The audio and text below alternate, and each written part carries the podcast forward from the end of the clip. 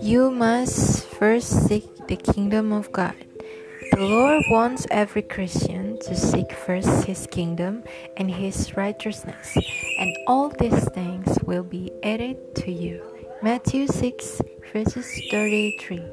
The Lord allows me to explain you about the first of Matthew 6 verse 33. The kingdom of God means the rule of Christ. Now Matthew 6:33 really makes sense. Seek first the kingdom of God means make it a priority to be governed by the Holy Spirit. Let God be in control of your life. Let Jesus truly be Lord. It's a daily surrender.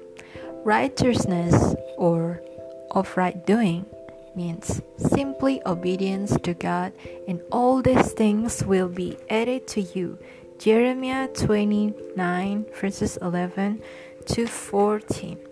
So the kingdom is not just about being governed by the Holy Spirit and the Word but about walking in the power and victory of the Spirit over sickness, spiritual darkness, financial problems, bondage, fear, and so on.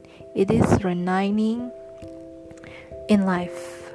It is walking according to love. If you want to receive the Holy Spirit of Christ, you must first seeking the kingdom of God in your life.